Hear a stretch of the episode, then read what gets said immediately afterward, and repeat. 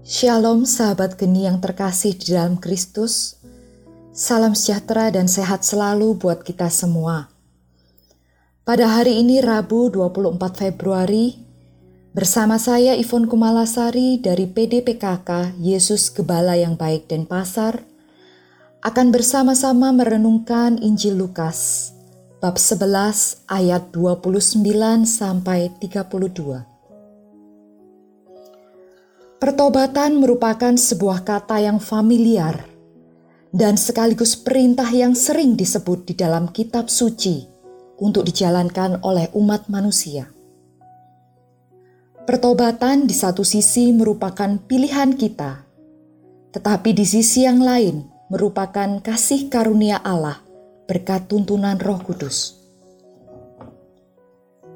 Di dalam Injil pada hari ini, dikisahkan tentang Nabi Yunus yang diutus Tuhan untuk melakukan pewartaan pertobatan kepada orang-orang Niniwe.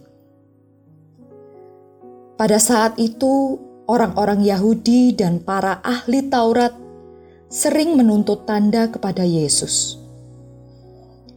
Permintaan ini seolah-olah menunjukkan bahwa mereka merupakan orang-orang yang terbuka pada ajaran Yesus namun sesungguhnya mereka menutup hati dan merasa diri lebih benar daripada orang lain.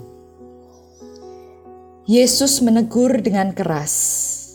Bahkan Yesus memberi label kepada mereka sebagai angkatan yang jahat. Karena mereka sering membutuhkan kehadiran tanda yang lebih besar dari nabi lain selain tanda dari Yesus sebagai anak manusia yang hidup. Terkadang ada hambatan di dalam diri kita yang membuat kita tidak bisa mengucap syukur kepada Tuhan. Hambatan ini adalah sifat manusia yang tidak pernah merasa puas dengan apa yang kita miliki saat ini. Tetapi pernahkah kita merasa tidak puas dengan iman yang kita miliki saat ini, iman yang masih sering meragukan, bahkan tidak mempercayai campur tangan Tuhan di dalam setiap pergumulan doa yang kita alami.